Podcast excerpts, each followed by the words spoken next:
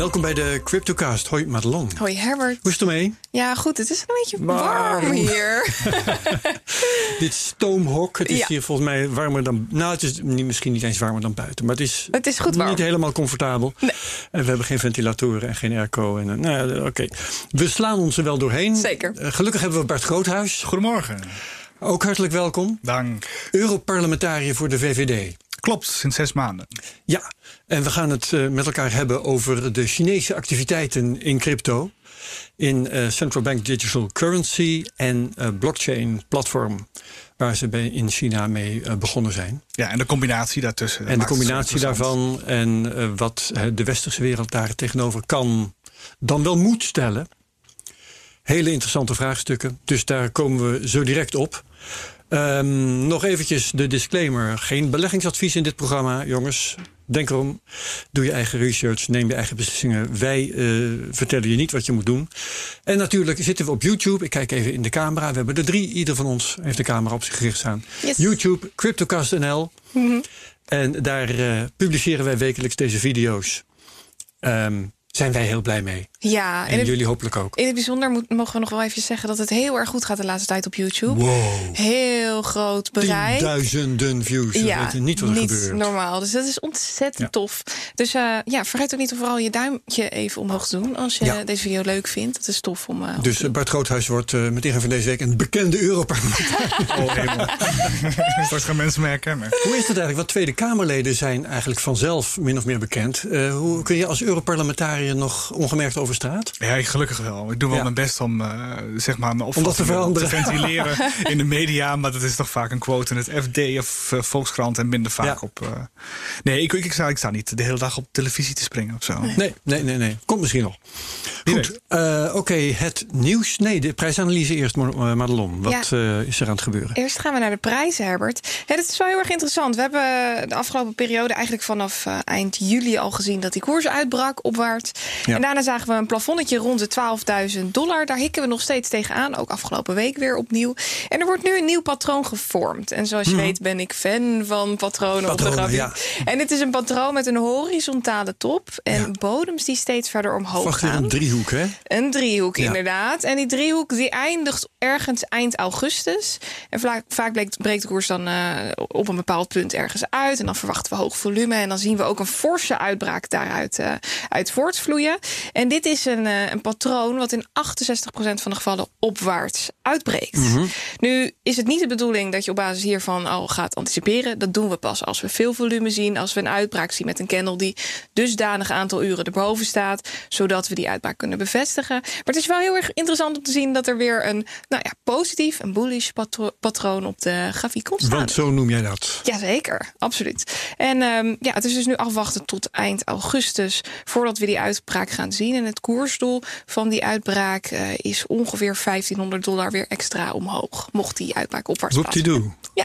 Ja, oké, je kijkt er heel vrolijk bij. Ja, ik ben ook heel vrolijk. Ja, ik ben blij dat we, dat we weer een beetje een in die boelmarkt... Zeker. Ja. Ik merk ook om me heen heel veel mensen die zich aan het verdiepen zijn... in, eh, in eh, zowel technische analyse, maar ook in bitcoin, crypto, cryptocurrencies, tokens, et cetera, et cetera... die allemaal weer ineens berichtjes gaan sturen van... hoe zat dat nou ook alweer? Ja. eh, het bestaat nog, het is er nog. Want voor de gewone ja, burger is bitcoin natuurlijk gewoon weg geweest... de afgelopen periode. Helemaal toen die koers Ja. naar 3000 dollar Nou, ik ging. merk het zelfs in politiek. Hè. Er zeggen mensen van, eh, nou ja, eh, de computers, digitalisering, bitcoins en crypto, daar moeten we nog, ons nog een keer in verdiepen. Dat is iets voor later. Maar dat is het niet meer. Het komt naar ons toe. En eh, ja, daar gaan we het straks ook over hebben. Het wordt steeds uh, actueler. Mensen stellen steeds meer vragen. Ja, je kan er niet dan? meer omheen. Nee, Ja. dan zeggen ze, je bent een politicus. Wat weet je dan iets van bitcoin? Dat doen Wow. politici toch niet? Nee, ik, geef wel, ik biecht even op. Ik ben heel slecht in beleggen in bitcoin. Ik heb er heel veel mee verloren. Had ik maar maar gehad. Zeker eh, eind 2017 geld ingestoken of zo. Ja, en die Ah, ja. dagen. Ja. Ja. En Nee. vastgehouden of alweer verkocht? Eh, Dat, dat Ik heb gaat ons niet alles aan, maar verkocht, Herbert, en ik heb er Ja. gewoon verloren. Ik ben er gewoon niet goed in. Ja. En daarom zeg ik, had ik mijn buurvrouw maar in de buurt gehad. Dan. precies. ja. Hoe zit het met het eh, kennisniveau in het Europarlement op dit gebied? Nou, kijk, er is een financiële commissie en een monetaire commissie. Daar zit ik zelf niet in. Dus uh, maar ik kan een stuk van zeggen, is het wel volstrekt mijn competentie. Maar ik vind gewoon crypto heel interessant. En ik vind uh, bitcoins heel interessant. Ik vind blockchains, ik vind alles met techniek interessant. Omdat techniek leidend is voor geopolitieke verhoudingen. En uh, als je dat realiseert, dan weet je dat heel veel politici zich dwingend moeten verdiepen in techniek. Ja. Dat maakt het zo interessant. Dat, dat, dat neemt een vlucht. Hoe zit het bij monetaire specialisten en uh, fintech? Ja, dat neemt ook een vlucht, maar uh, ik kan zeggen het kan beter, Herbert. Ja, zeker. Um, wat ik in uh, het Engelstalige bereik wel eens tegenkom, is de uitspraak: het is niet meer oké okay om niet te weten hoe het internet werkt. Zo is het. Ja. En eigenlijk geldt het ook: het is niet meer oké okay om niet te weten hoe crypto werkt. Toch? Hè? Want ja.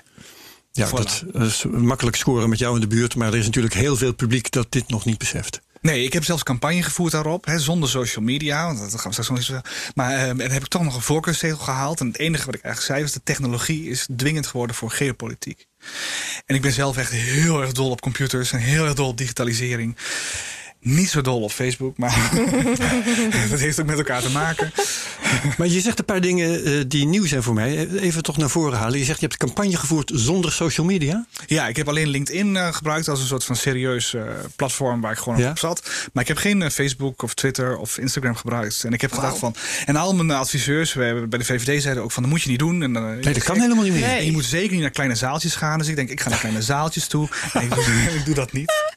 Ik ben een beetje eigenwijs. En het andere wat je zei, uh, wat mij dan nog meer verbaast, dat je een voorkeurzetel hebt gehaald. Ja, 21.000 stemmen was nodig en die haalde Oh man. Ja, dat wow. was heel gaaf. En dan kom je in het Europarlement met 21.000 stemmen. Ja, en zo is het. En uh, er waren ook twee mensen op Ameland die hebben op me gestemd. En dan heb ik een bericht gezet in de Amelandse, Amelandse krant. van, ja, als jullie je kenbaar maken, dan nodig ik jullie uit in Brussel. Maar ze hebben ze nog niet gemeld. Dus bij deze nogmaals de oproep. Die twee stemmers op Ameland die moeten nog even zich melden bij Bart Groothuis. Nou voilà. mensen, doe dat. Oké, okay, geweldig zeg. Um, we waren gebleven. De prijzen, dat is bij deze behandeld. Ja. Behalve dat we misschien nog even naar Ethereum kunnen kijken. Want ja, dat kunnen we die doen. zit de hele tijd nog tegen die 400 dollar aan te bonken. Ik pak hem daar gelijk eventjes bij. BTC. Straks als we het over het nieuws hebben, dan komen we hier waarschijnlijk weer op terug. Maar toch even, omdat Ethereum nummer twee is. Hè. Ja, Ethereum zit niet in een, uh, in een desbetreffend patroon. Ethereum mm -hmm. zit gewoon in een mooie opwaartse trend. Oh ja. voor, wat ik, uh, voor wat ik nu ja. zie. Met steeds hogere bodems. En dat is echt een heel duidelijk trendkanaal. En hij zit nu zelfs aan de bodem van dat opwaartse trendkanaal. Dus het ziet er eigenlijk prachtig uit voor Ethereum. Er zit dus een, ja. uh, een weerstandspunt. waar de, even kijken, rond 3 augustus een, een high gevormd is. Daar mag de koers weer overheen. Maar vooralsnog zeg ik niet, oh, dit ziet er vreselijk uit. Geen negatieve divergentie nee. of iets dergelijks. Gewoon een mooie opwaartse beweging. Oké, okay, ook daar goed uh, nieuws dus. Zeker. Nieuws. Wat is jouw nieuws? Uh, even kijken hoor, moet ik er even bij pakken. Ik had nieuws over de Amerikaanse banken. Enkele weken geleden uh, besproken wij dat uh, er banken zijn die van die, wat was het, Office of the Comptroller of the Currency toestemming kregen om cryptovaluta te bewaren voor particulieren ja, of voor ja. precies voor grote, grote partijen. En het interessante is nu dat er maar liefst vijf banken in Amerika geweest zijn die samen met nog andere financiële dienstverleners gereageerd hebben op uh, dit, dit, dit nieuwsitem. Um, en ze hebben gevraagd naar regelgeving, naar kaders waar ze binnen zouden kunnen werken. Um, in het bijzonder is, is wel, nou ja, misschien aan de ene kant jammer, misschien aan de andere kant weer goed, zichtbaar geworden dat JP Morgan en Goldman Sachs zich niet uh, hier opgeworpen hebben. Hm. Wel uh, Saxo Bank, uh, Silvergate Bank, Visa, Stripe, Transferwire en Coinbase, BitGo, de, de bekende partijen. Maar er zijn dus inderdaad twee grote, grote Amerikaanse banken bij die hier interesse in getoond hebben. En ze vragen dus nu duidelijk om die kaders. En daarna kunnen ze pas ja. aan de slag. En wat we bijvoorbeeld gezien hebben in Zuid-Korea is dat ze ook daar eerst goedkeuring gaven. Toen kwamen ze met die regelgeving, met die kaders. Een volgorde eigenlijk. Daarna zijn ze pas gaan bouwen. Ik denk dat dat te maken heeft met regelgeving. Je wil niet uh, de Facebook uh, met Libra achterna gaan, waar je eerst een heel leuk idee opgooit, wat daarna helemaal tegen de grond kapot ge gemaakt wordt. Mm. Je wil juist, als je al vergunningen hebt lopen, als je al uh, ja, je begeeft in toch wel een gebied waar je heel erg voorzichtig moet zijn met wat je doet en dergelijke, denk ik dat dit wel de juiste stap is voor banken om uh, op deze manier te werk te gaan. Dus eerst duidelijk kijken wat, welke kaders stellen ze en wat, de, wat is de regelgevend uh, toezicht hierop. En dan pas gaan ontwikkelen binnen die kaders. Ja. De meeste wordt de politiek erachteraan te lopen, hè? zeg een beetje. Nee, nee natuurlijk niet. Uh, maar wat mij opviel is dat ik zag berichten uit San Francisco, Milaan en Sydney... waar Chinese toeristen via WeChat, WeChat Pay en Alipay konden betalen, digitaal. Ja, ja, ja. En daar zijn kennelijk de regulatories, dus de toezichthouders, al overeengekomen met de Chinese staat en banken. Om dat toch mogelijk te maken als intermediair. Dat vind ik heel interessant. Ja, maar dat is digitaal betalen, dat is nog niet zozeer betalen in crypto, toch? Hè? Of dat is, je dat, dat is correct. Nee, ja. klopt. Maar het gaat hier niet zozeer om betalen. Het gaat in deze nog om uh, de custody services, om het bewaren. Uh, en nog niet zozeer kopen of verkopen of het direct betalen ermee. Dus ik weet niet in hoeverre ze ook die betaalfunctie zouden kunnen gaan aanbieden. Dat is ook iets wat uit die regelgeving dan zou moeten blijken. Precies. Nou, dat. Oké, helder. Ik had verder nog één ander nieuwtje, Herbert. Ik weet niet of ik hem gelijk mag, uh, mag noemen. Ik ga het heel kort houden. Dat gaat over ABN AMRO. We hebben toen Arno Wellens hier was het uitgebreid gehad. Twee over, weken geleden, geloof ik. Precies, over nou ja, hoe ABN AMRO ervoor stond. Hij zei dat is de zwakste Nederlandse bank op dit moment. En gisteren las ik in het FT dat de bank uh, zich voortaan alleen nog maar in het noordwesten van Europa uh, zal begeven. Dus niet meer als wereldbank actief zal zijn. Ze nemen afscheid ja. van 800 mensen. Ja. En uh, ja, het is wel een, een, behoorlijk drama voor de bank. Um, de beurskoers reageerde hier juist behoorlijk positief op. Die was blij dat ABN AMRO die zakentak nu afstoot. staat netjes. Um, maar dat hier nog meer onder, uh, onder borrelt, dat is wel heel erg duidelijk. En uh, we gaan zien wat, wat de toekomst brengt. Maar goed, dat eventjes ja. als side nieuws. Ja, oké. Okay. Nou, mijn nieuws, dat is een beetje een verhaal. Ik zei al toen het over de koersen ging, uh, we komen zo nog op terug. Ethereum. Um, wat mij gisteren opviel, en gisteren dat was dus 12 augustus, uh, woensdag 12 augustus. Um, dat was wat er gebeurde met Chainlink. Chainlink uh, is al maanden in de lift met waanzinnige percentages. En uh, gisteren zag ik opeens de, de koers van Chainlink was weer eens 20% of daaromtrent gestegen. En die stond opeens op de vijfde plaats op CoinMarketCap qua marktkapitalisaties. Boven Bitcoin Cash, boven Bitcoin SV, boven Litecoin. Ja, met alleen nog maar uh, Ripple en of XRP dus en Tether, Ethereum en Bitcoin mm -hmm. boven zich. Ja. All-time high naar all-time nou, nou, high. nou, ja, precies. Dus dat is niet niks. Toen dacht ik van nou, dat is interessant. Ik heb dat getwitterd. En toen kwam daar bam meteen een uh, tweet, een reactie terug van Mick de Graaf, die we hier ook een paar weken geleden hebben gehad. Toen hadden we het over Ethereum. Mm -hmm. En Mick die zei: Ja, ze zijn al, iedereen is bezig met yam farming. Ja. Nieuwe woorden leren, jongens. ja, wat is dat nou? Um, en ik heb geprobeerd in contact te komen met Mick. Ik heb een paar woorden met hem gewisseld via Twitter. En ik heb hem telefonisch niet te pakken gekregen, helaas, voor deze podcast. Maar um, wat ik ervan opgevangen heb. Bart kijkt alsof je er iets meer van weet. Maar uh, nou, nee, toch? toch ik, niet? ik heb er een paar berichten over gelezen hebben. En ik vond het okay. opmerkelijk dat mensen zoveel geld in hebben gestoken. Hoe ja, dat, uh, ja. verloren, Want wat, verloren ging. Wat blijkt er. Um, aan de hand te zijn, jamfarming. Uh, het heeft iets te maken met het creëren van een, uh, stablecoin. Dat is ongeveer waar het op neerkomt volgens mij. Um, je kunt uh, daarin steken en dat moet je doen met een reeks aan mogelijke coins, waaronder bijvoorbeeld Ethereum en waaronder bijvoorbeeld Chainlink. Maar ook bijvoorbeeld de coin AVE, dubbel AVE die als um, uh, hoe heet het, uh, naam in CoinMarketCap Lend heeft. De, dus de, de coin heet Lend, L-E-N-D. Mm -hmm. Beetje ingewikkeld gedoe. Maar goed, er zijn zo'n aantal, een hele rits, een stuk of tien van dat soort coins die uh, daaraan ten grondslag liggen. En om, als je dat steekt in dat jam-fenomeen, dan kun je daar weer opbrengst van krijgen. Dus het klinkt als een soort geld uit niets creëren fenomeen. Ja. Gratis geld. En het werd dus uitgemaakt voor een piramideschema en een scam en ik weet niet wat allemaal. Uh -huh.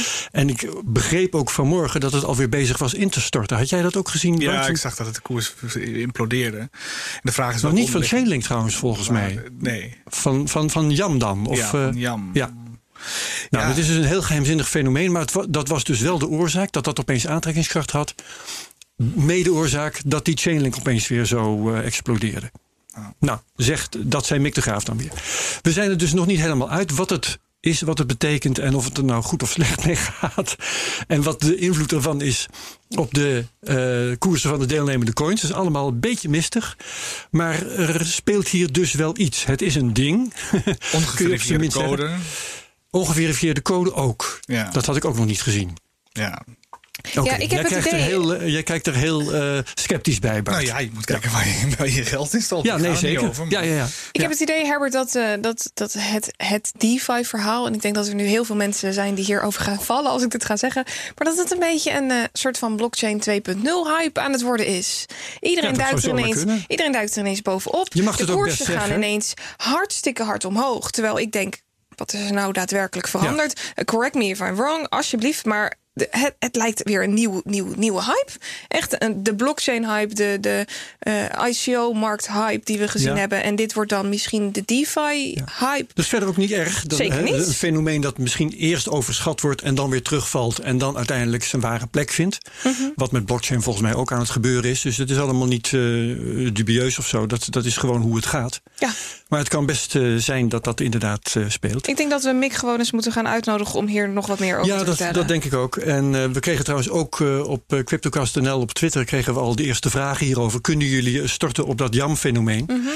nou, zag doen. ik vanmorgen. Dus dat hebben we bij deze um, hebben we een eerste voorzet daarvoor Ja. gegeven. Mensen die er veel van weten, mogen natuurlijk via Twitter ons vertellen wat ze weten. Of als je een deskundige voor ons weet. Afgezien van Mick de Graaf, die we om te beginnen gaan lastigvallen, dan zijn we altijd geïnteresseerd. Zeker. En dan gaan we hier waarschijnlijk nog wel op terugkomen de komende tijd. Yes. Oké, okay. dat wat het nieuws betreft. En dan gaan we gewoon eens uh, gezellig met Bart Groothuis praten. Goedemorgen. Bart. Middag. Onze eerste vraag bij mensen die we nog niet eerder gezien hebben hier in deze studio is... Hoe ben jij voor het eerst met crypto in aanraking gekomen? Uh, je vertelde net al, uh, met de laatste keer dat je ermee in aanraking bent gekomen. Met cryptografie is wat anders, maar daar ben ik in aanraking gekomen met mijn vorige functie. Ik heb bij Defensie gewerkt, elf jaar. En ik was de afgelopen zeven jaar de hoofd cybersecurity. Ja. Dus ik heb veel met cryptografische uh, ja. dingen gewerkt. Dat vind ik en wat leuk is om nu vast te vertellen. Ja. We hebben je ook al uitgenodigd in de nabije toekomst voor de technoloog. Ah. Waar we het met jou gaan hebben over het fenomeen desinformatie. Zo is het. Vreselijk interessant. Hè? Hoe partijen als bijvoorbeeld Rusland, dat is dan meteen een belangrijk voorbeeld erin slagen om uh, ervoor te zorgen dat niemand in de wereld meer weet wat waar is. Bijvoorbeeld. Hè? Ja, oké. Okay. Dus dat is een van de dingen wat je hebt gedaan. Binnenkort in de Technoloog. Ga verder. Ik ben verzot op, op, op techniek en geopolitiek. Dus ik, ik, ik, kijk altijd naar de nieuwste dingen die uitkomen. Maar ik kijk ook naar dingen, ontwikkelingen in nanotechnologie, of robotica, of domotica, of uh, augmented reality. Ik vind het allemaal interessant. En nieuwe vormen van kunstmatig leven. En ik probeer altijd een beetje oh, ja. ja. voor te blijven op wat er actueel is, zeg maar, in de, de, de gangbaar is. En daarop te anticiperen. Dus ik probeer scenario's te doordenken. Dus ik heb zelf ook nog geëxperimenteerd met bitcoins toen het uitkwam, dacht ik, heel leuk. Laat ik eens wat kopen. Ja. En toen ging het goed. En toen ging het minder goed. En toen, nou, ik zei ik ben er niet goed in. ik ben geen belegger. En uh, dus ik, ik beleg ook niet. Ik, ja. Het is niet mijn ding. Puur vanuit technologisch oogpunt. Dus. Ja, ik wil weten hoe het is. Wat hoe voor ratio zit erachter? Waarom beleggen mensen daarin? Ja. En volgens mij is het gewoon een toekomstig uh, financieel systeem. Eventueel een, een redundant ja. financieel systeem. Wat een soort van belofte in zich houdt. Waarom mensen denken dat het mogelijk toekomstige waarde heeft. En dat vind ik interessant om te zien. Hoeveel mensen beleggen dan, dan in? Hoe sterk gelooft men daarin? Ja. En ook hoe uh, politici daarop reageren. Ja. Nou, ik wou net zeggen, deden maar meer politici dat. Hè? Een beetje gewoon experimenteren met dit soort nieuwe fenomenen. Ja. Want dan had je meer kennis op de plek waar dat nodig is. Ja, en ik heb veel vrienden die doen met blockchain. Uh, zijn ze ondernemer. Oké. Okay, en ja. ik volg altijd van wat doe je dan? Waarom? Ik vind Marloes Pompen een leuk mens. Oké. Okay. Die doet voor de overheid heel veel. En dat vond ik altijd leuk. Van wat heb je nu weer bedacht? Ja. en uh, kijk, als mensen zeggen het is een hype en het is over de hype heen en blockchain slaat nergens op, dan wil ik altijd weten, nou, weet je, dat komt vast nog wel eens. En uh, hoeveel is het dan waard? En dan gisteravond zat ik weer te kijken en dan zie ik dat blockchain en uh, Ethereum bijvoorbeeld, of Bitcoin en Ethereum samen 1,3 triljoen waard zijn. En toen heb ik even gekeken, wat doet eigenlijk uh, Peter Thiel met zijn uh, PayPal? Die doet 700 miljard. Dan denk ik, nou, zo slecht gaat het dan. Dan doet crypto het niet zo slecht. Nee. Ja, ja, ja, ja. Dus. Goed zo. Um, nou, China dus. Ja. Daar zit jij China. nu hiervoor. Wat is er aan de hand in China? Nou, in China zit een, uh, zit een regime op dit moment. Die is niet al te democratisch. Die is eigenlijk anti-liberaal, illiberaal, maar autocratisch. Maar die heerst, wel heel slim. Heel slim, heel beheerst. Proberen ze technologisch uh, alle revoluties te beheersen. En daarmee dominant te worden in de wereld. En dat willen ze in 2049 bestaat die communistische partij 100 jaar. En men wil strategische dominantie op al die gebieden. En een aantal van die ontwikkelingen noemde ik net al. Uh, cloud computing, supercomputing, quantum computing. Maar het gaat ook over nanotechnologie en bio. En blockchain is daar ook een onderdeel van geworden. Dus de, de, de, dat vind ik het interessant. Dan ga ik het volgen. En dan uh, zag ik eind april zag ik plotseling dat men kampioen, een wereldkampioen wilde worden in blockchain. En dat zijn eigen blockchain hm. service network hadden opgezet. Dus dan, waarom willen ze dat eigenlijk? Misschien een hele rare vraag hoor. Maar waarom willen ze de beste zijn in het ontwikkelen van ik denk dat ze zien, ze zelf zeggen ze dat het meer geld waard is dan het internet. Wat ze dan mee bedoelen, weet je niet. Ze zeggen dat het 100 miljard waard is. En wat, wat ze dan mee bedoelen, weet ik niet. Maar ze, willen, ze denken nou ook ze zien er geld in. 100 miljard, dat is nog weinig voor mij. Dat is nog weinig. Dus eh, ik snap ook niet precies hoe ze dan komen. En ik, het is eh, van Chinees, dan vertaal ik dus Chinese kranten. Met Google Translate, je weet hoe dat gaat. Mm oh, Herkenbaar, zo heb ik wel eens artikelen vertaald in het, vanuit het Russisch. dus dan probeer je een beetje bij te blijven. Want het is heel moeilijk in de westerse media om te zien wat de Chinezen aan het doen zijn. Ik vind het interessant, dus ik volg het. En waarom? Ik denk dat ze er geld uh, kunnen verdienen. Ik denk dat, dat ze denken ook dat transacties mogelijk maken via een blockchain. Dat dat interessant is is als alternatief voor veel analoge systemen die er nu zijn. Dus intermediairs uitschakelen. Ik denk dat ze dat als, als doel op zich wel zien. Mhm. Ja, ja. oké. Ehm, jij signaleert dus dat um, in China een blockchain platform wordt uh, gecreëerd. Het, het, is er zelfs wel, het werkt gewoon, is gelanceerd in april. Blockchain Services Network, BSN. Uh, en er is een digitale munt en die wordt getest. Dat zijn twee dingen, uh, maar die horen wel bij elkaar. Laten we eerst even naar die. Nou, dat denk ik, hè? En ja? kijk, als je kijkt naar heel veel uh, blogs en uh, experts, die behandelen deze twee fenomenen een beetje los van elkaar.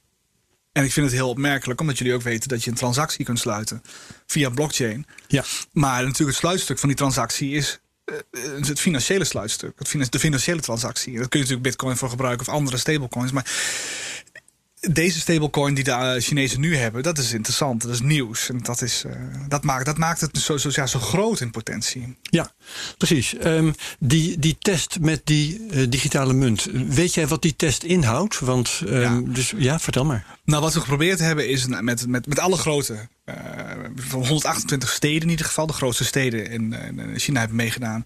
Uh, ambtenaren hebben meegedaan. Een aantal grote techbedrijven hebben meegedaan. En ze hebben geprobeerd om uh, de munt te introduceren. Bijvoorbeeld, dus de McDonald's in Shenzhen doet mee. De Subway doet mee. maar ook de reiskostenvergoeding voor de ambtenaren proberen ze digitaal af te rekenen. Dat is afgelopen maand of weken gelukt. En men probeert leningen uit te geven via blockchain. Dat is zo'n 7,8 miljard dollar uitgegeven in zo'n 2800 leningen de afgelopen weken. Maar dus waarom, waarom is, is blockchain daar zo erg voor van, van belang? Nou, ze willen het laten groeien tot. Kijk, la, laten we heel even uitzoomen. We hebben vroeg, wat is China aan het doen? Dus ja. wat volgens mij hebben gedaan om die technologische dominantie te bereiken, is eerst zeggen we gaan nationale kampioenen maken. We maken mhm. onze eigen Google, Facebook, et cetera. Die zijn de Weibo, Kuku en ja. Tencent en Alibaba. Toen vervolgens hebben ze gezegd, we gaan het exporteren fase 2 zeg maar, van het model. Het is, het is geen officieel model, zit in mijn hoofd hoor.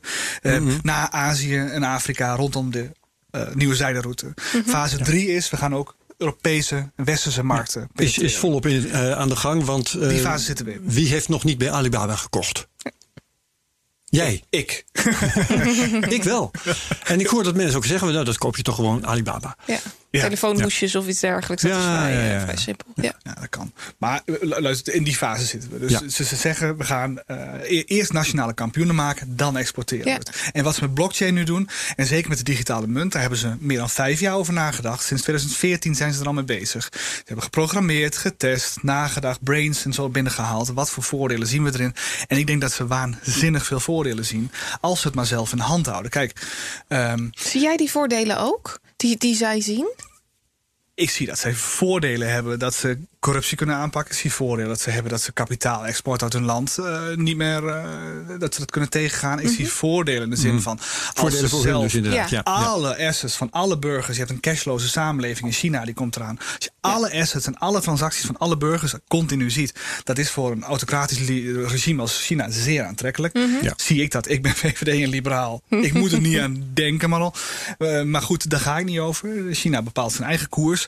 Ja, wat kun je ermee doen? Je kunt schaduwbanken kun je, kun je naar buiten manoeuvreren. Ja. Je kunt uh, voor, voor, voor de Chinese staat is het fantastisch. En nog, nog mooier, het is een alternatief systeem op het analoge geldsysteem waar de dollar dominant is. Dus ze kunnen een alternatief financieel systeem creëren. En dat maakt het zo interessant, want daar heb je te maken met dollardominantie. Nou, ja. de dollardominantie.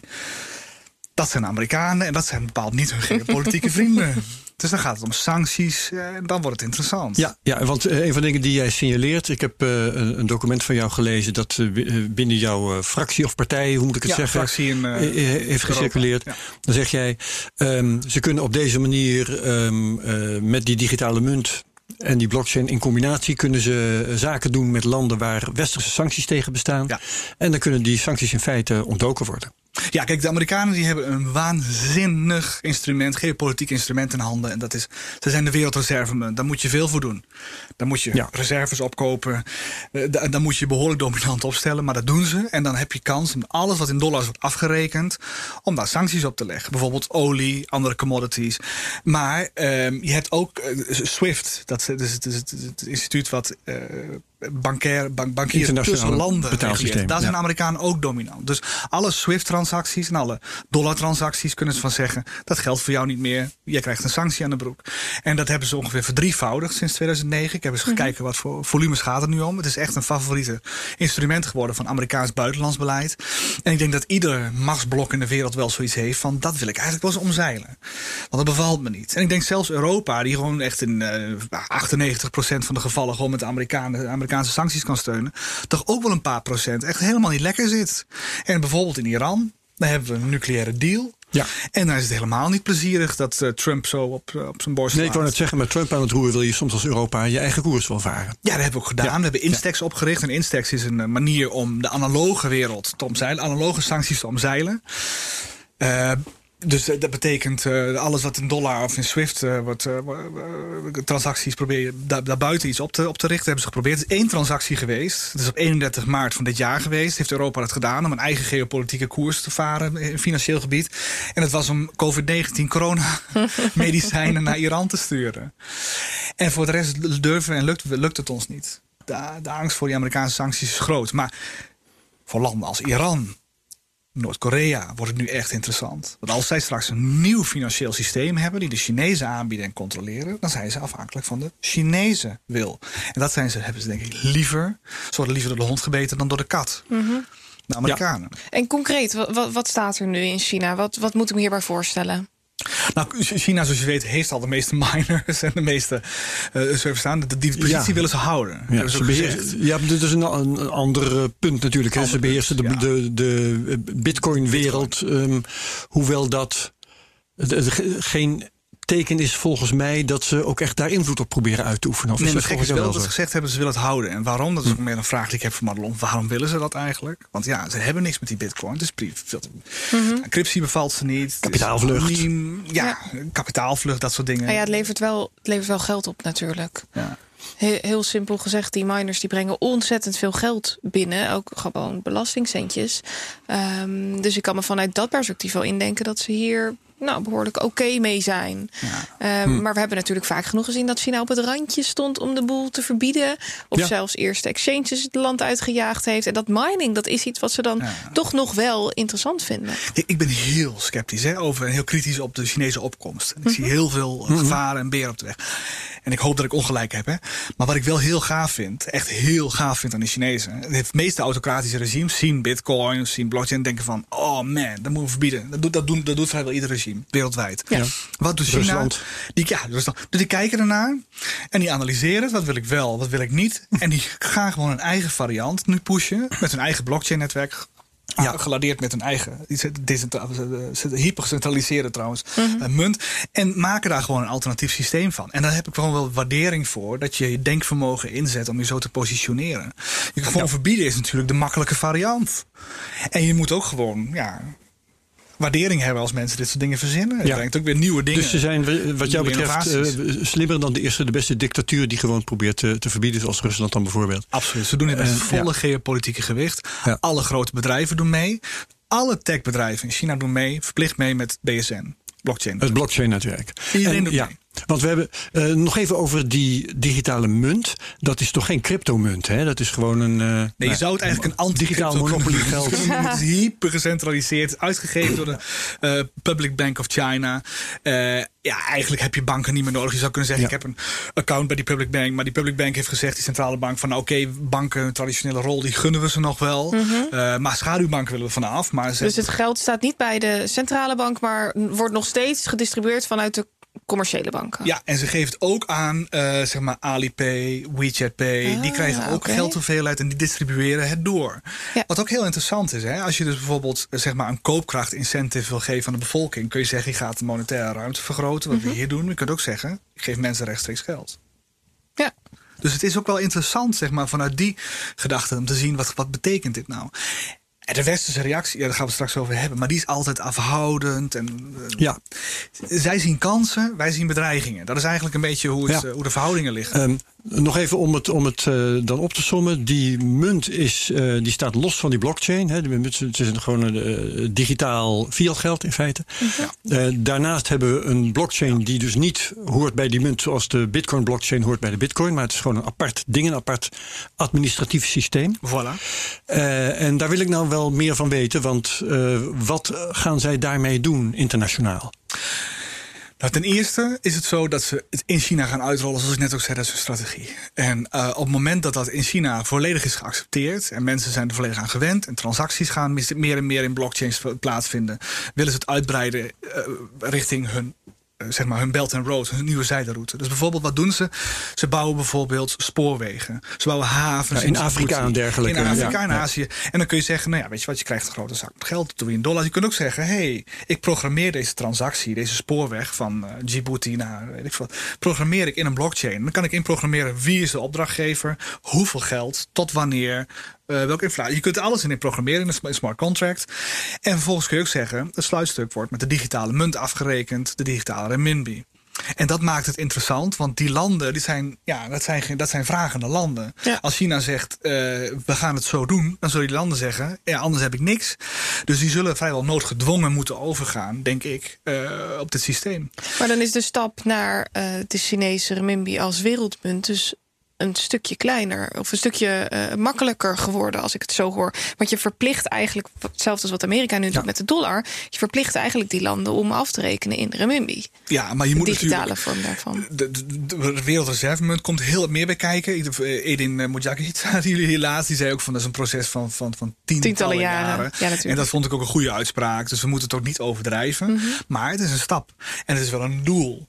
Ik denk de grote aanjager trouwens, is de Libra. Dit is de Libra. De -hmm. grote aanjager dat de Chinezen hier nu mee komen, is die Libra geweest. Ja. Dat heeft ze kapot geschrokken. Als je de Chinese Aha. kranten bekijkt, dan zie je dat ze daar echt kapot geschrokken zijn.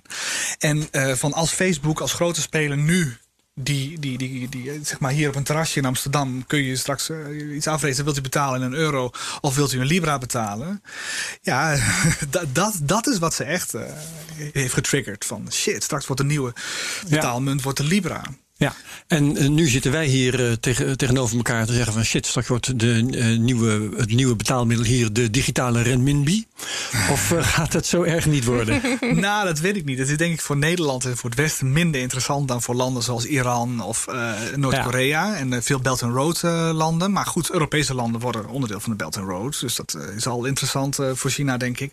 Dus ja, je ziet wel met expansie. En ja, ja, de vraag is, kun je, wil je het tegenhouden? Kun je het tegenhouden? Moet je het tegenhouden? Houden. Dat zijn vragen die heb ik nog nergens bediscussieerd. Nee, en die, die stel jij dus nu. Ja, dus ik heb vorige ja. week in het Financieel Dagblad een opinieartikel met mijn ja. collega Europarlementariër Caroline Nachtegaal van Doorn gepubliceerd. Omdat die discussie is aan te wakkeren. Ik hoor mm -hmm. niemand in Nederland erover. Dus wij dachten, laten we eens eventjes een balletje opgooien. En heb je daar reacties op, op gekregen intussen? Ja, heel veel. En heel veel mensen zeggen ook, bijvoorbeeld uh, rondom Nederlandse bank, zeggen van ja, kijk, kijk jullie, uh, wij, zijn ook wel bezig met cryptovaluta. En weet je niet wat er allemaal is? En dan zeg ik van ja, zeker. Maar zijn jullie ook bezig met DCEP? En zijn jullie ook echt specifiek met. Of je hebt het heel goed geheim gehouden. DCEP, dat is die Chinese munt. Dat hè? is die Chinese Digital, help me eventjes wat de afkorting ook weer Digital betekent. Currency Electronic Payments. Electronic payments, Maar dat is natuurlijk gewoon code. Het is geprogrammeerd. En ik, Ja. ik, ik, ik kom uit de cybersecurity wereld, daar heb ik zeven jaar gewerkt. En om Huawei routers te auditen en te testen, Mhm. eh, weet ik van de Britten, dat kost enorm veel tijd en moeite en weet ik veel wat. Of Maar- daar geen achterdeurtjes in maar, zitten. maar, maar banken die zeg maar een DCEP moeten testen en auditen en toezichthouders die dat moeten doen, ik weet niet of daar al dingen in voorbereiding zijn. Ik heb het in ieder geval niet gezien. Dus ik vind het een signaal van een politicus om te zeggen: ik doordenk een scenario en ik zie allerlei beren. Ik hoop dat ze er niet zijn. Ik hoop dat ik fouten heb, maar Ja. probeer er ook eens. Ja, hier is, denken. hier is een beer. Want ik las, eh, ik ben hier ook eh, wat research gaan doen. Hè, en ik vond bijvoorbeeld een artikel op Decrypt. En daar staat het volgende. Al, eh, ik vertaal even snel on the fly.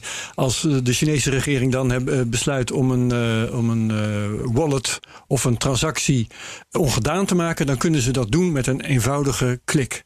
Ja, en dat is zo onaantrekkelijk wat Madelon Ja. Je, bedoel, je wilt toch niet hebben dat je inderdaad je, je geld kan verdampen, kan worden ingetrokken. Het is natuurlijk een gecreëerde geldhoeveelheid met software. Ja, en en wat wat er in de me- praktijk dan kan gebeuren, is niet zozeer dat je geld erbij poef verdwijnt, maar eerder dat er druk wordt uitgeoefend. Ja, precies. Dat ze gaan zeggen van, hé hey, eh, groothuis, eh, eh, moet jij niet wat meer gedragen Of wat naar gezonder gaan maatstaven? eten. Of wat. eh, Nou ja, dat zullen we nou, vanuit China niet in zeggen. principe, nou, in principe zou het kunnen zijn dat ze zeggen: Nou, dit geld is bestemd voor eh, eh, voedsel, dit geld is bestemd voor de zorg, dit geld. Dus dat je niet meer Op zich je eigen geld in nuttige eigen. zaken, maar Ja, maar je zou mensen dusdanig kunnen verplichten dat ze bijvoorbeeld een bepaalde hoeveelheid bij Chinese bedrijven zouden moeten uitgeven. Of dat je geen geld meer mag uitgeven bij Amerikaanse bedrijven. Ik Ja. noem maar iets. Hè, vanuit het communistische Nee, gedachtegoed wat- wat- wat Bart, kan het best eng worden. vreest is juist dat, dat ze vanuit China bij grote projecten zeggen van, nou ja, dit moet wel meer naar uh, zodanig worden ingericht dat het voor ons goed is. Ja. He, dat China zijn eigen belangen op die manier Dat gaat. gebeurt nu ook hoor. Ik bedoel, als je gewoon in, de- in de- ik zei net Djibouti, laten we dat voorbeeld nemen of Pakistan. Dat Ja. is ongeveer 6% lokale ondernemers die daar wat doen. En ik geloof rond de meer, dan- altijd meer dan 90% Chinese ondernemers die daar dingen bouwen. Dus dat op zich, dat kun je gewoon ook programmeren in een blockchain of een smart contract. Maar je goed, ja. Dat, dat verandert op zich niet, eh, niet veel. Wat, wat verandert, denk Ja. ik, is de manier hoe je met elkaar eh, afrekent. En dat, daar is ook gewoon geen zicht meer op. Want het gaat niet via Swift, het gaat niet via de dollar. En dan kun je gewoon meer doen. En hoe zit het met, eh, met WeChat en Alipay? Want daar wordt in China ontzettend veel mee betaald. Eh, eh, gaat dat dan strakjes eraf? Of wordt dat een, een, een side payment system? Hoe moet ik dat voor me zien? Nou, wat ik begrijp uit, uit, uit die media is dat los van de blockchain, wat deze hebt, dus die digitale munt, wordt aangeboden aan, aan WeChat Pay en Alipay om daarmee te betalen. Dus los, los van BSN wordt deze app sowieso een succes in de ogen van eh, de Chinese staat. En dan weet je dat ze een geopolitieke gewicht achter gaan zetten. En dan, dan lukt dat meestal. Dus eh, de- eh, los daarvan gaat het gebeuren. Maar je kunt het ook natuurlijk gebruiken voor blockchain transacties. Blockchain transacties. Dat is het idee. Oké, Ja. helder. En dan eh, een heel interessant aspect daarvan, dat vond ik dan weer eh, eh, bij Forbes. dat soort links zet ik in de show notes hoor. Ehm, dat die blockchain, dat BSN, het blockchain netwerk, is zodanig ontworpen dat het. ehm, kan samenwerken met bekende westerse frameworks, zoals Ja. Forbes dat noemt. Hyperledger Fabric, Ethereum, eh, EOS EOS. en dergelijke. Neo. Wat, ja, wat betekent dat? Ja, dat betekent nogal wat.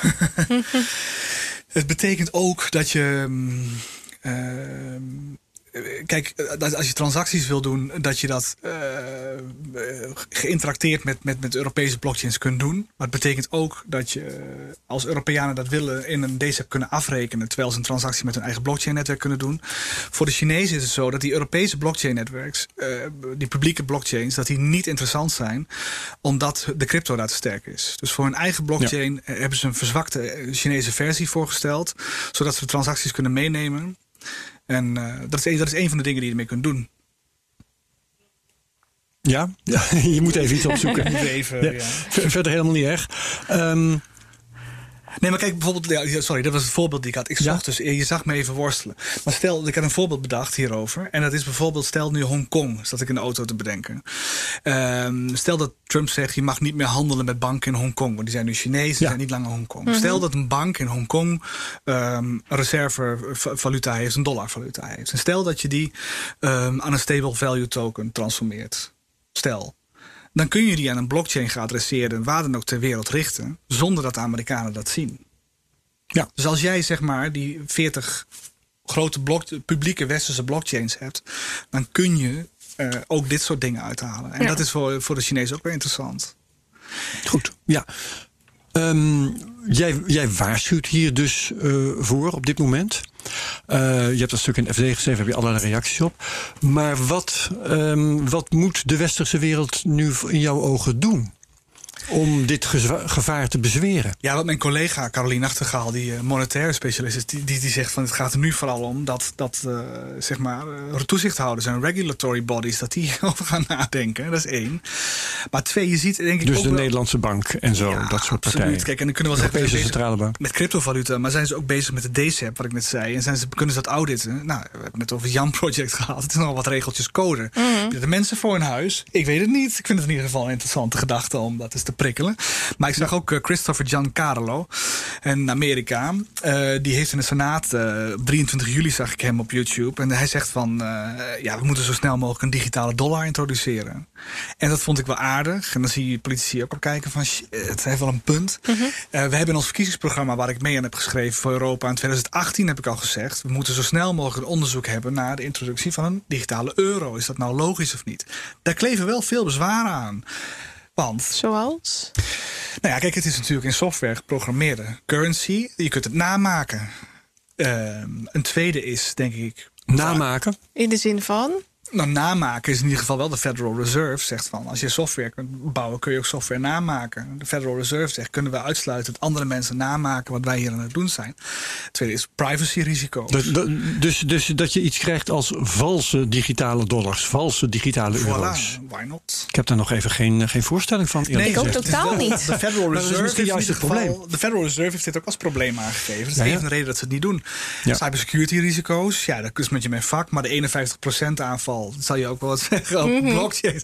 Is natuurlijk mogelijk. Maar als je Nou ja. dat het zo'n systeem doet, is het natuurlijk heel heftig. Ik wou net zeggen, eh, als je een, eh, van een digitale currency, als je dat een, een cryptocurrency laat zijn, dan heb je dat probleem van namaken helemaal niet. Want eh, een cryptocurrency is daar volgens mij vanzelf tegen beveiligd. Dan kun je niet eenzelfde coin digi- eh, tweemaal uitgeven.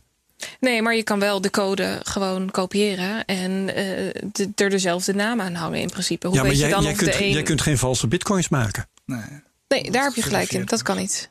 Je kunt wel een tweede eh, bitcoin creëren. Ja, je zou hem dan Eh, een- op een dezelfde coin. dag, op dezelfde minuut moeten creëren. Want je kunt natuurlijk terugkijken in de geschiedenis. Ja, maar dan doe je een 51% aanval. Ja. Ehm, je kunt een hele nieuwe bitcoin maken, de bitcoin Madelon, bij wijze van spreken, Mhm. Madelon version.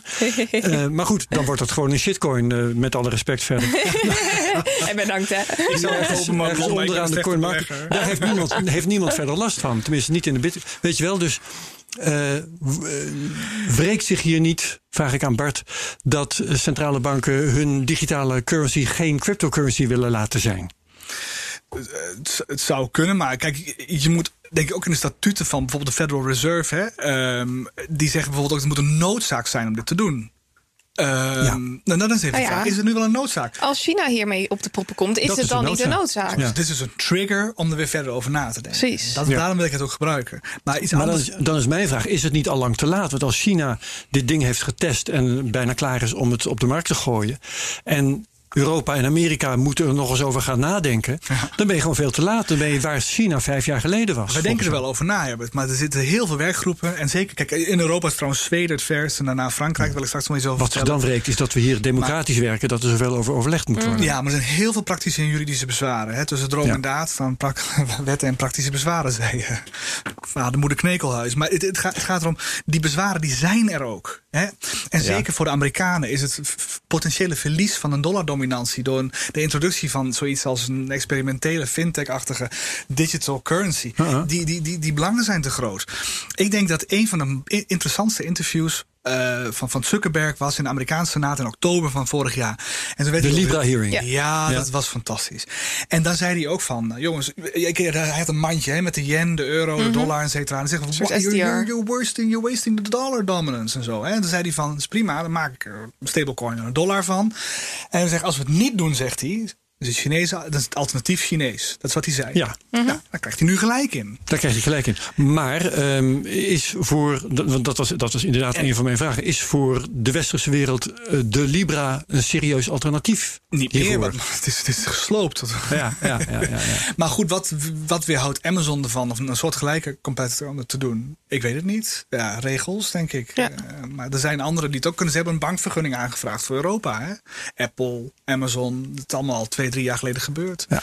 Zoals jullie weten. Maar, maar er zijn veel bezwaren hoor, om het te doen. Ja? En er zijn ook heel veel werkgroepen in Frankfurt. In, denk, en iedereen heeft wel een bezwaar waarom je het niet ja. moet doen. Noem eens een paar bezwaren. Ja, nou wat ik net zei. Namaak, cybersecurity ja, risico's, privacy risico's. Hoe ga je in vredesnaam de privacy van al die mensen? Als ja, je vinden ze in China ook geen probleem. Ja, dus juridische argumenten. Ja, eh, dus voor China is het eigenlijk veel makkelijker om dit neer te zetten dan dat het voor Amerika of voor Europa zou zijn. Ja, Absoluut, omdat voor hun veel van die bezwaren die wij hebben niet gelden. Mhm. En ze doen het gewoon. En dat, zo kennen we ze, hè? dat doen ze, ze doen het gewoon. Dus ik denk ook wel dat dit een redelijk succes gaat worden. ja, nee zeker. Um, maar goed, we hebben dus de situatie dat uh, in de westerse wereld uh, de, uh, de politiek en de financiële wereld, ja, die zijn nog druk aan het nadenken. Liggen dus gewoon zwaar achter. Hebben uh, nu al een bijna onoverbrugbare achterstand. En het enige alternatief, als ik jou zo hoor, in elk geval als ik er zelf zo over nadenk, dat is de commerciële initiatieven. De Libra alsnog aanzwengelen. Of Amazon of Google met iets dergelijks laten komen. Ja, is dat realistisch? Er moet in ieder geval fors geopolitiek gewicht achter zitten, denk ik. Als je zoiets wil, wil, wil realiseren over de hele wereld. We hebben nog een alternatief. De Bitcoin. is. Bitcoin. Oké, okay. dat we het daar eens over gaan hebben. Maar goed, andere mensen wel gezien de koers. Dus, Jij gelooft er zelf niet in? Nee. Waarom niet? Nou, ik vind dat niet realistisch. Ik vind het. Uh, omdat er geen uh, orgaan achter zit. Dat was eigenlijk wat je net aangaf, volgens mij. Er is geen geopolitieke massa achter. Nee, en, en het bezwaar dat, dat geldt voor uh, Amerika in ieder geval. Laten we Amerika even als voorbeeld nemen. Dat ze hun dollardominantie verliezen. Dat is dan nog steeds geldig. Mm -hmm. Maar dan zal iemand anders dominant willen worden met een currency. En dat is altijd een staat.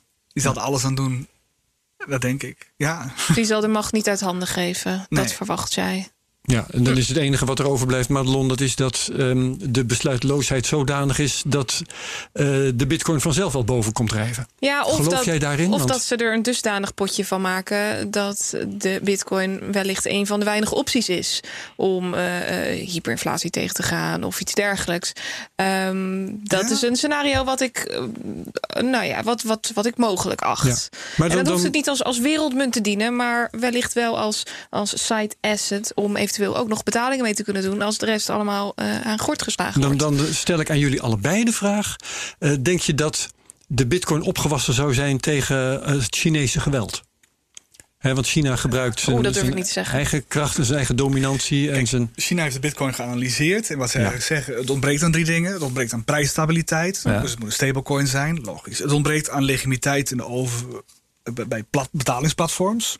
Nou, dat hebben ze nu ook opgelost. Ze hebben gewoon verplicht aan iedereen aan mee te werken aan die uh, nieuwe digitale munt. Mhm. En het ontbreekt aan legitimiteit eh, bij de overheid. Nou, ze staan er nu zelf achter en ze dwingen andere overheden rondom de Belt and Road om mee te doen. Dus dat maakt het wel een ander initiatief dan voorheen. Ze, zij denken dat zij de problemen van de Bitcoin hebben opgelost. Zo zien ze het. Ja, dat, oké, dat, dus dat vanuit dat perspectief zou het Chinese initiatief uh, een grotere kans hebben, begrijp ik hieruit? Ja, ik denk het wel. Maar ik, ik wil ook niet meteen uh, hel en verdoemenis spreken. Weet ik wat. Zo is het helemaal niet. Het is gewoon heel interessant om te zien wat er gebeurt. Ja, zeker. En je ziet wel dat er gewoon heel veel ja, factoren zijn om het gewoon een succes te laten worden wereldwijd. Ja. Hey, um, laten we eens kijken vanuit het perspectief van westerse bedrijven. Je bent een westers bedrijf, je bent bij wijze van spreken Philips, noem maar wat. Ja. je wilt zaken doen met China. Dan zegt China, dat is goed. Uh, hier heb je een contract. Dat is een uh, smart contract op uh, ons BSN-netwerk. Um, dan zegt Philips, nou ja, weet je, we willen zaken doen met China. Als dat de voorwaarde is, dan is het voor ons beter om daaraan mee te doen dan om dat niet te doen. Ja, perfecte vraag, Herbert. Zo is het. Dit, dit soort dingen gaan er spelen. En ik denk dat je dat het eerste gaat zien of dit, of, of dit ook gaat gebeuren. Ja, gaat Philips, in... Philips het überhaupt wel zeggen? Of gaan ze zeggen, nou weet je, wij slaan over, want we willen hier niet aan meedoen? Hé, hey, wacht even. Het is een commercieel bedrijf. Die moeten gewoon zaken doen. Je moet Ja, denken maar aan onder, hun onder welke voorwaarden? Dat hangt er wel vanaf onder Ja. welke voorwaarden. Maar laten we kijken naar landen als Cambodja, Laos. Ja, die zijn natuurlijk makkelijker te. Die Nou ja. gaan als eerste. En dan zegt dat China gewoon, als je, dus wat Herbert zegt, dwang, anders geen business. Dat is, dat is gewoon wat ze gaan Ja. doen. En dat worden de eerste monetaire vazalstaat, als ze dat lukt, van China. En dat, is- wordt gewoon ja. heel interessant om te zien wat er dan gaat gebeuren. En in het, eh, hoe zit dat dan in het Westen als je het voorbeeld van Herbert pakt? Ja, nou kijk, de vraag is ook wat regulatory bodies ervan zeggen. Als een westerse bedrijf Ja, niet het mag niet. Ja, dan heb je natuurlijk ook een eh, poot om te staan. Ja, Daarom is je- Europa zo interessant. Dan moet je dus wel eerst eh, regelgeving maken die dat verbiedt. Voilà. Anders dan is het niet verboden. voilà. Vandaar mijn stuk in het FD. Vandaar het stuk in het FD. Dus daar wordt nu aan gewerkt. Nee, goed, maar dat is, dat Dat is ook dus een best- nieuwe manier om kapitaal op te halen hè, voor bedrijven. Ik denk dat er ook wel wat positiefs aan zit. Het is ook wel weer een nieuwe. Wacht even, een nieuwe manier om kapitaal op te... Hoe werkt dat dan? Nou ja, als jij eh, de, de, misschien Chinees kapitaal of ander Ja. kapitaal die je via, een, eh, via de uitgifte van mensen die veel Chinese munt hebben. De, de- Ja. ja Nee, je- precies. je- er komen weer financiële producten uit. En je Dus kunt hieraan weer- meedoen, dat, dat Dus is kan precies mijn punt. Hieraan meedoen kan in het belang zijn van bedrijven. Ja. En als Philips dat gaat doen, loopt natuurlijk vreselijk in de gaten. Maar misschien eh, eh, voor het jaar om is, zijn er al allerlei veel kleinere bedrijven Ja. in de westerse wereld al lang hierin meegegaan. Onder de radar. Ik kan het niet zeggen. Dat Nee. is wat interessant om te bekijken. En ik zal het op de voet volgen, want ik vind het echt mega. Ja, Dit is echt een gamechanger als het lukt voor de hele wereld. eh, ja. Ja. Ehm, wat gaat het voor de Amerikaanse economie betekenen als ze die dollardominantie kwijtraken? Wat gebeurt er dan? Het belangrijkste wat ze kwijtraken is eh, een geopolitieke macht die daarmee gepaard gaat. Ja. Sancties, afdwingen van afhankelijkheden, politieke afhankelijkheden naar andere landen. Dat gaat allemaal vrij subtiel. En eh dan doe ik helemaal niet negatief hoor. Ik bedoel, ik, ik zeg het een beetje negatief. Ik kom bij Defensie vandaan. Geopolitiek is daily bread and butter. Eh, maar het, het is voor de Amerikanen het belangrijkste instrument. De Franse minister van eh, de Financiën onder de Gaulle heeft eens gezegd van dat ze echt een, het grootste financiële kanon ever in de handen van Amerikanen hebben gegeven vanwege die dollardominantie. Ja, je bepaalt de oliehandel. Je, je, je- bent gewoon eh, een speel in het internationale economisch verkeer. Ja. En dat sta je dan toch deels af. En dat zeggen mensen Ja. ook. Het wordt, het is geen multi, het wordt een multipolaire wereld misschien wel. Waarin meer dan alleen één land als Amerika het afdwingt. En dat, ook, dat je het moet delen. Ik had een eh, vraag die kwam binnen via Twitter. eh, die, dat was wel grappig. van van een zekere Laurens. Uh, Twitter-handle, let op, Laurens4534862. Oh, misschien, is dat zijn, misschien is dat zijn telefoonnummer dan. In ieder geval, gelukkig zegt hij, wordt de Nederlandse crypto-community geheel ondersteund door de Nederlandse staat. Door weinig bureaucratie en subsidie. En zijn we helemaal klaar voor de concurrentie uit het. Oh, wacht. Waarbij die dus doelt op de AML D5-wetgeving, denk ik. eh, dat de Nederlandse crypto-community toch niet echt wordt geholpen. Dus om deze vraag, die geen vraag is, maar meer een stelling, eh, eventjes eh, in een vraag om te zetten.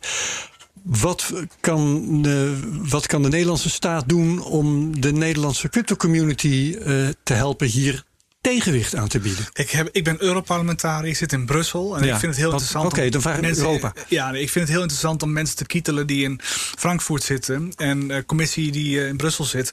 Om hierover na te denken. En over Nederland heb ik daar wat dat betreft geen opvatting over. Ik vind Hmm. het wel heel belangrijk dat Europa zich gaat afvragen: moeten we niet een eigen alternatief, financieel, een alternatief systeem op, eh, oprichten? Moeten we niet een digitale euro oprichten? Dat hebben we ook in het VVD-verkiezingsprogramma gezet destijds. Dat vond ik al heel gaaf dat het dat, dat haalde. Vond ik al. Daar had, je, daar, daar had jij de hand in. Daar de eh, hand in, je zit niet te glimmen, leuk. dus dat zal dan wel. Het stond er Ja. toch wel mooi even in. Ja. En ehm, Maar daar is dus nog niks mee gedaan. nee. En het, het, is, het is dus ook. Ik, ik zit nu in een positie dat ik wat meer invloed kan uitoefenen. En ik probeer het dan ook te doen en te drukken. En ik vind dat. Ja.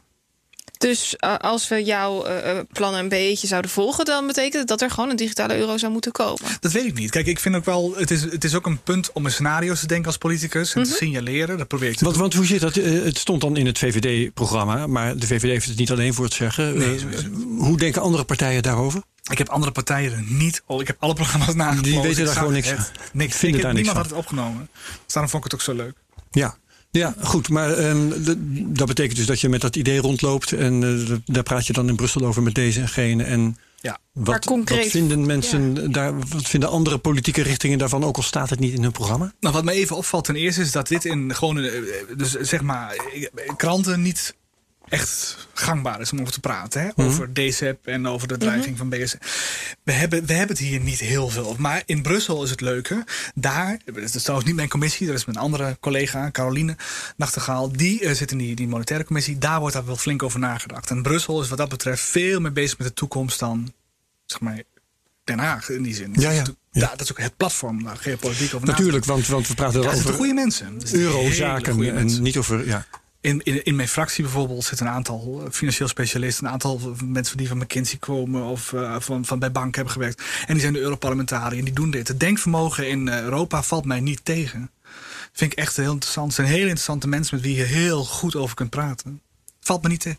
Dus er moet nu gewoon over gepraat worden. Dat is eigenlijk wat je zegt. Het balletje moet opgegooid worden. En vanuit daar moet een richting bepaald worden. En voilà. uh, misschien zelfs wel het, het nou, Chinese initiatief als voorbeeld nemend uh, om daarop voor te borduren.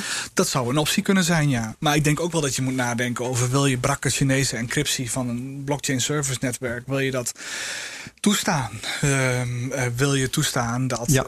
ja die, die, die dollars, de, de, de, die ja, dus dat zijn eigenlijk twee verschillende richtingen. Aan de ene kant moet je Europese, een, een Europees um, project, laat ik het zo maar noemen, moet je van de grond zien te krijgen. En aan de andere kant moet je misschien werken aan het uh, verbieden aan Europese partijen om mee te doen aan het Chinese systeem. Omdat dat, nou ja, noem eens een argument, niet veilig is. Ja, niet wat betreft vrij, je bedrijfsinformatie. Dat zou kunnen bijvoorbeeld. Als jij ja. daar gevoelige informatie in stopt, kan het zijn dat het niet veilig is inderdaad. Maar de, de, ja, het heeft gewoon heel veel geopolitieke effect. En dat is gewoon het hele moeilijke. Kijk, uh, Amerika is een geopolitieke reus. Maar Europa heeft die traditie niet om zo te denken. De enige die zo denkt is natuurlijk de Fransen. Daar wil ik nog iets over zeggen. Dus de Fransen oh, ja. zijn goed bezig. Dus de Franse minister van Financiën die denkt hier goed over na. Die heeft een tender uitgeschreven. Een soort van uh, aanbesteding. Zo herfst vorig jaar. En die heeft gezegd, ik wil van zeven partijen wil ik nieuwe fintech producten die gaan over de digitale munt die Frankrijk uitgeeft. Gebaseerd op de euro. En welke opties, wat voor dingen hebben we dan? Dat is de, zeg maar de, de, vrije. En die mensen die komen dan in juli komen ze dat presenteren. Afgelopen juli zouden ze dat presenteren aan Bruno Le Maire. Ja. Dus als je mij vraagt wat is het nieuws van de week, dat dat nieuws er nog niet was. Mm -hmm. dus misschien had ik dat moeten zeggen. Wat is ja. het nieuws van deze week? Le Maire heeft die dingen, maar dat gaat alleen over betaling tussen banken digitale okay. munt tussen banken. Dus ja. niet echt interessant. Onderling afrekenen. Ja, ja, ja. ja. Dus, maar het is een begin. Het kan een goede keuze Zweden is er heel ver in. Uh, en andere landen die ver in zijn, zijn de veelgeprezen Marshall-eilanden, de Bahama's, Uruguay. Wat, wat, wat, wat, wat? Dat zijn partijen die hier goed mee bezig zijn? Ja, nou, die worden genoemd als landen. Ja, je weet het misschien beter. Ja, kijk, ja Bahamas kan je zelfs je belasting in bitcoin afrekenen, als ik me niet vergis. Oh, wow. Ze zijn heel erg bezig met een, uh, met een eigen munt. En, en Oekraïne. Noorwegen. Dat is het niet. En uh, dat zijn landen die doen het al om ons heen al heel, heel goed. En maar is dat niet iets wat op Europees niveau zou moeten plaatsvinden in plaats van binnen landen specifiek binnen Europa? Goed punt. Alleen, uh, goed punt. Maar heel goed, uh, ik denk het ook. Alleen uh, Noorwegen valt natuurlijk buiten de eurozone. Ja, en dat geldt in principe voor Oekraïne en dat soort landen ook. Dus, ja. ja, Frankrijk natuurlijk niet. Nee, maar Frankrijk is Frankrijk.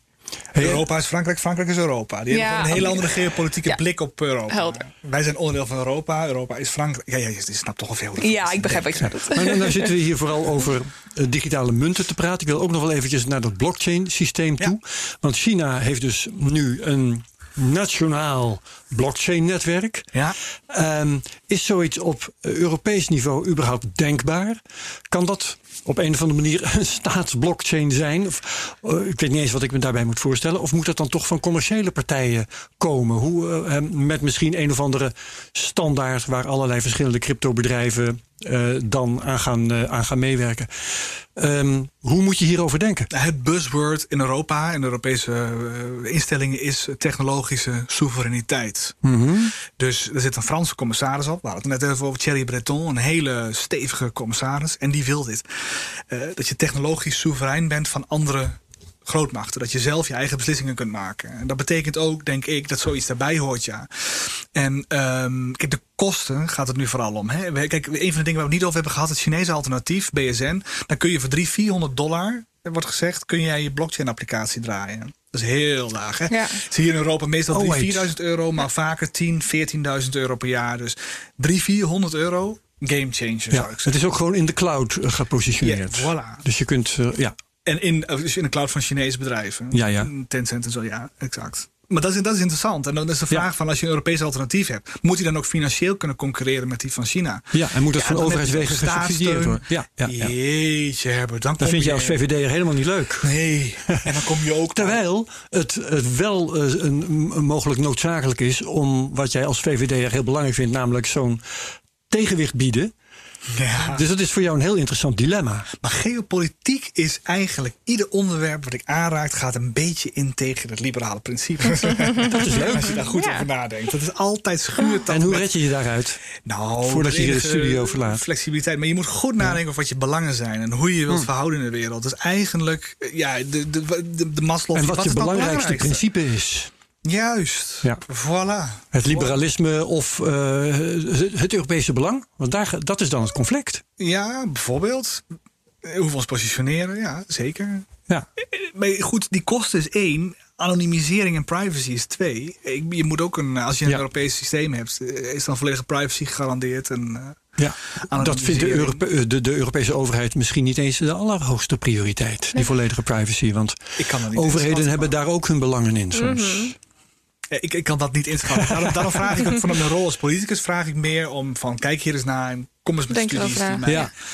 in staat stellen om gewoon Ja. een nieuwe wetgeving te maken. Ja. Want dat is eigenlijk wat ik wil natuurlijk. Ja, maar eh, het is wel leuk om nog even te benadrukken wat je net zegt. Hè. Die, die ehm, eh, Chinese blockchain die gaat dus gewoon, ik zal maar even zeggen, onder de prijs aangeboden worden. Ja. Doet een beetje denken aan de manier waarop Uber de taximarkt probeert te veroveren. Gewoon eh, goedkoop alles aanbieden en hopen dat je een monopolie krijgt. Nou, het doet, het doet meer denken aan staaldumping en dat soort praktijken. Ja, ja. Of Huawei-routers die voor 30%, 40% van de kostprijs van een Cisco of Juniper router worden gedumpt. Dat, dat is staatssteun. En eh, dat, is, dat is wat we niet willen. Daar hebben we gewoon een mededingingscommissaris voor. Een liberale overigens. Kijk eens. Ook VVD. Ja, ja. Hey, ehm, goed. Eh, ons uur is vol. Hoe gaan we dit samenvatten? Wat, wat is nu de situatie? Eh, China staat klaar met allerlei instrumenten om de markt te domineren. Eh, de westerse wereld staat op achterstand. Wat nu? Nou, we hebben zes jaar lang hebben we gestudeerd. In Europa, in China, in Amerika. Er zijn allerlei wetten en praktische bezwaren die ons tegenhouden. Ja. Maar er is nu een zetje in de rug. Er is een soort noodzaak gecreëerd, zoals we zeiden. Mhm. En nu moeten we gaan kijken of we, hoe we ons verhouden. En dan is de vraag, doe je reactief of ben je proactief? En misschien wel allebei. En ik wil eigenlijk van beide richtingen, denkrichting, wil ik wat uitwerking zien. Dus ik zou eerst zeggen van, wat vind ik van eh, encryptie, met uitwisseling, met het financiële systeem, de bedreigingen. Maar dan wil ik ook wel eens denken van, wat willen we eigenlijk zelf over 30, 40, 50 jaar staan? Digitale munten die gaan er komen. Worden steeds nemen ze een groter belang in, in, het, bankair- in het verkeer. En dan is de vraag: wil je dat crypto? Wil je stablecoin? Wat wil je? Ja. En daar zullen we toch een keer een ei over moeten leggen. Ja. Ook met de Amerikanen samen. Hè? Want wij eh, hebben ook gewoon heel veel belang erbij dat de Amerikanen dat het eh, met hun goed gaat. En de Amerikanen hebben belang bij dat het bij ons goed gaat. Alhoewel, als je de president beluistert, denk je soms dat het anders is. Maar toch, de Amerikanen denken ook zo, is mijn Ja. overtuiging. En is het nou een hele grote eh, drempel dat ja, de financiële wereld eh, misschien ook, maar zeker in het politieke domein, dat mm, de, de meeste mensen met wie jij gaat praten hier gewoon helemaal niks van weten? Van crypto Nee, bijvoorbeeld. maar, hè, dit- van, maar goed, kijk, je hebt eh, binnen de Digitale politiek altijd technologie. woordvoererschappen. En mensen die eh, ja, dat is waar. affiniteit hebben met iets, die verdiepen zich daar volledig in. En de fractie vertrouwt daar dan op. Ja. Als je met goede Dus argumenten met die komt. woordvoerders zit het wel goed. Die woordvoerders zitten in Europa echt goed hoor. Ja. Er zitten echt goede mensen in Europa. Oh ja, joh. We gaan er eens wat meer uitnodigen, want dit, eh, dit viel goed. mij uitstekend, Bart. Bart Groothuis, ehm, Europarlementariër van de VVD, waarschuwt dus voor de Chinese zetten op het gebied van digitaal geld en blockchain-technologie. Dankjewel. Eh de volgende CryptoCast moet je in je agenda zetten. Over één week praten we weer eens met Simon Lelyveld. Ja, superleuk. Hij heeft zich afgelopen week behoorlijk druk gemaakt op eh, Twitter. Wellicht hebben, hebben kijkers, luisteraars dat al reeds gezien. Ehm, ja, misschien moeten we dat eh, gewoon nog lekker een beetje in het midden laten hoe dat precies zit. En volgende week wat verder met Ja, uit. het zal zeker ook gaan over wat we net noemden: de positie van de Nederlandse cryptobedrijven en Precies. hoe die door de overheid worden bejegend. Ja. Maar over veel meer dan dat. Ja. Oké, eh, nou ja, noem ons op Twitter. Zeker weten. Ehm, like, subscribe, comment wat betreft, wat betreft de video. En op uh, Apple Podcast kun je reviews achterlaten. Nou, al die dingen om ons te promoten vinden we leuk. Die um, moeten we trouwens een keer gaan, uh, gaan bespreken, die reviews, Herbert. Gaan we even kijken wat mensen er nou echt van vinden. Wat voor zure reacties moet je bespreken. Dat doen Boekenstein en de Wijk altijd zo leuk. gaan we doen. Ja, niet allemaal zure reacties plaatsen. Dat is op Twitter een ding. Actors reading mean tweets about themselves. Hij snapt er niks van, die grote. Ja. Lijkt me een uitstekend idee om, om dat te gaan doen. Oké, dus uh, bedankt voor het luisteren. Bedankt voor het kijken. Uh, iedereen bedankt. En tot volgende week. Tot de volgende CryptoCast. Dag. Oké, dag.